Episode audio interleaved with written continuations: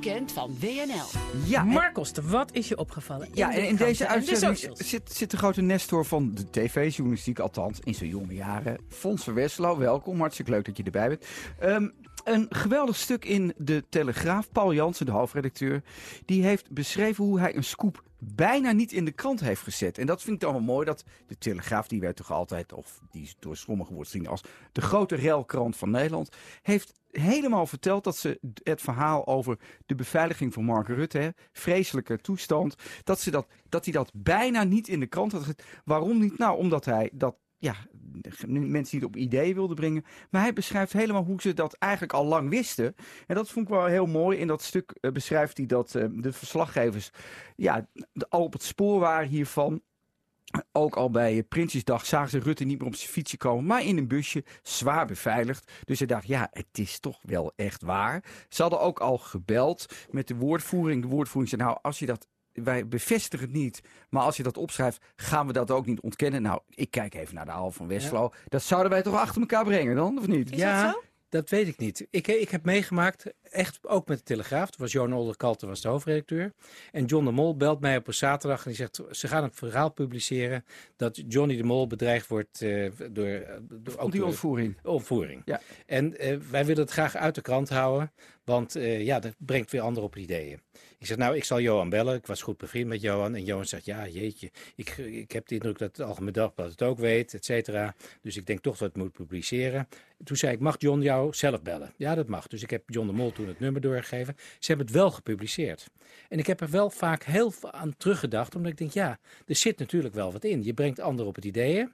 Maar ja, het is ook een nieuwsfeit. En dit met de Rutte, ja, daar kan je Ik echt vind niet dat omheen. wel. Ik, maar het mooie Het is terecht dat we het nu weten. Ja, Ja, dat, dat, je kan er niet omheen. Kijk, het zou prachtig zijn als je op een gegeven moment... Ik, ik zie het dilemma ook wel van Paul Jansen. Dat je denkt, ja, ik breng weer mensen op ideeën. Weer andere gekken die denken, dat kan ik ook, weet je wel. Dus, dus ik begrijp het wel, maar op een gegeven moment moet je toch die knoop doorhakken. Je bent een krant. Het nieuws is fit to print, zegt de New York Times altijd. En ja, dat is dan zo. Ja, en dat stond ook in het stuk van ehm, Jansen. Dat, hij, dat ze steeds de hele ochtend doodsbang waren dat de, dat de concurrent het had. Ja, dus dat speelde enorm mee. Dus ze hadden en dat ethische besef voor Ja. de Telegraaf. Nou ja, er wordt wel eens gezegd, die, die krant die ramt het er al maar in. Dat hadden ze. En anderzijds waren ze dus heel erg bang Ja. dat de, de, vooral het AD natuurlijk, Tuurlijk. daarmee zou komen. Of de NOS, die zou het ook achter elkaar brengen, denk ik. Maar ik vind het mooi Nou, dat... RTL Nieuws had vandaag juist... eh, Ja, toen, ja, toen is het ook naar- doorgegaan. Ja. Die is toen met, met die advocaat gaan praten. Die zegt het was allemaal een, een grapje. Nou, het is natuurlijk flauw. Jawel, maar dat, is dat, dat noemen we altijd de tweede, de tweede, de tweede ring. Ja. Waar je dan, maar daar scoor je altijd minder mee. Dus leuk om, om eens onder de mantelkap bij de Telegraaf te kijken Ja, en te zien goed. dat ze ethisch besef Ja. hebben, toch? Ja, Nou, dat goed. is toch niet nieuw? Kom op. Nou, jawel, vind ik echt oude, oude... Vind je nou, oude- vind je nou ja, oude zeur? Ja, oude zeur over Oké, nou mag. Ja. Dan een, het, het leukste interview wat mij betreft van het weekend is met onze grote vriend Marcel Levy. En ik wist niet dat dat zo'n populaire man was voor de vrouwen. En hij is vrijgezel. Ik wist dat ook niet. Waarom zit je te lachen? Ik wist het ook niet. Alsof dat ertoe doet. Hij Nou, heeft zulke Zal interessante ik dit dingen te citaat vertellen. voorlezen? Ja, ik kan het hele interview hiervoor. Na elke media-uiting krijg je meteen weer eh, tien huwelijksaanzoeken. ik ben er niet op uit om mensen te beledigen, maar soms dringen mensen zo aan. Hij zegt niet of het mannen of vrouwen zijn, vind ik ook mooi. Ja, grappig, zo dat aan dat je echt even duidelijk moet zijn. En weet je wat hij dan zegt om ze af te poeren? Vind ik een hele leuke. Dit komt echt even van kant 1. Sorry. Dus, maar deze man is dus mateloos populair. Ik vind dat. eh, Het is ook een hele leuke man. Maar Ehm, wacht even, Fons van Westerlo, je kon vroeger ook niet over straat. Kreeg je huwelijksaanzoeken, Fons? Nee, geen huwelijksaanzoeken. Maar ik, ik zeg wel dat in die tijd het was om een dame te ontmoeten was niet moeilijk. Dat- Nee, oké. Nee, huwelijk is zo'n beetje... maar ik ben 55 jaar getrouwd, dus ik, ik was toch wel Ze hadden toch ook geen kans. Nee, nee, nee, maar dat was. Ja, je had wel veel belangstelling in die tijd. Als Dat is, beroemde dat, jongen. Ja, zeker, blijkbaar doet zeker, dat dus iets, hè, op de buis komen. Ja, maar dat is, weet je, dat is, dat is ook omdat je, je komt, kijk, ik heb, ik heb altijd een, tot, tot, tot, tot halt geroepen. Je komt in een café, je bent een beroemde Nederlander in die tijd, en dan zegt een vol café, eh borreltje van Fons. Dan zei ik tegen zo'n caféhouder, dat moet je nog één keer doen, kom ik nooit meer. Oké. Want ze krijgen allemaal een hekel aan me. Fons wacht net zo lang al die, an- als al die andere gasten tot hij aan de beurt is. En daar moet je goed in de gaten houden. Maar Ik- er zijn ook mensen die, die, die dat niet kunnen dragen. Hè? Nee, ik dat- ik, daar heb heb in mijn overzicht nu het verhaal van, van Daar- onze, onze Laurens Evans. Ja. Van, de, van de, de wethouder van SP. Ja, is ja. daarmee dan? Nee, nee maar ik, Die ik kon heb die er veel mee te maken. Want ik, ik zat laatst eh, in BNR Radio voor het, het boek van, eh, van Marianne Zwageman over Telegraaf. Fantastisch boek trouwens. En, en uh, Aart Royakkers die was net in het nieuws met zijn vrouw en de echtscheiding, et cetera. Dus ik zeg tegen Aart, god, je staat wel in de wind op het ogenblik. Zit hij, ja, ja, ja, het is vervelend en lastig en dit en dat. Hij, hij, ik zeg, word je wel goed begeleid? Ik zeg, oh, dat doet niemand tegenwoordig meer. Maar jij, Fons, ik was er echt trots op. Jij deed het allemaal altijd. Ik haalde ze binnen en zei, ik, nou, je zit in de shit, kom op.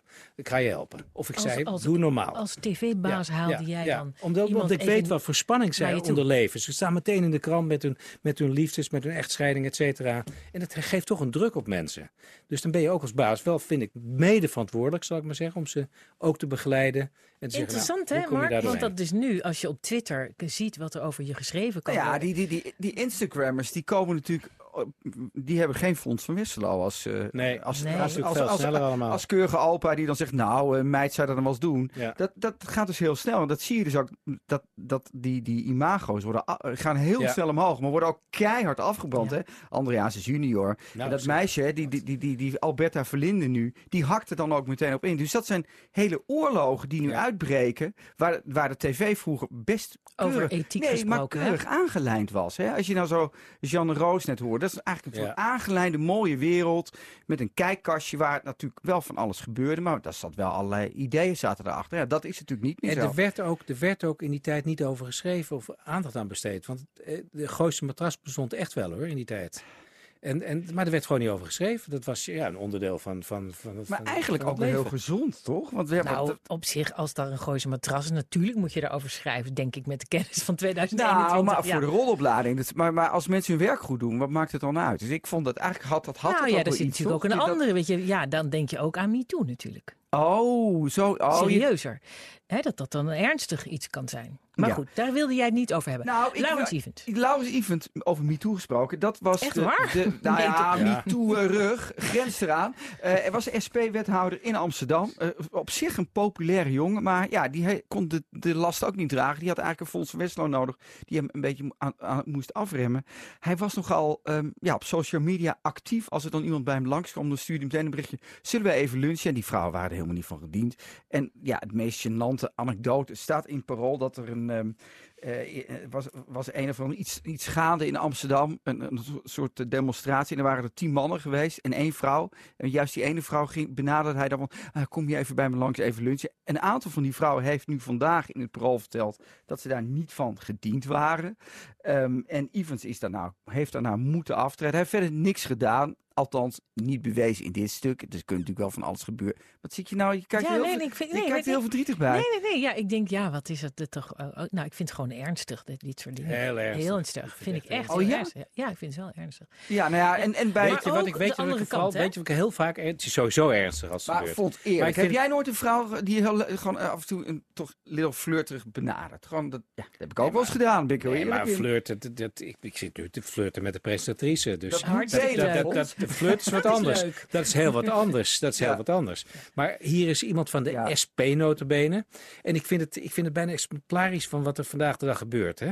En MeToo is natuurlijk al helemaal verschrikkelijk. Maar die politici die Ja. ons vertellen hoe wij moeten leven, die gaan geruchten verspreiden dat een, dat een formateur of een informateur eh, dronken was. We trekken het weer terug. Het is zo Dat was ook ordinair. wel heel naar van Het is week. zo ordinair. En dat zijn Ja. de mensen die ons vertellen. En dat geldt ook voor die uh, Evans, die SP-man.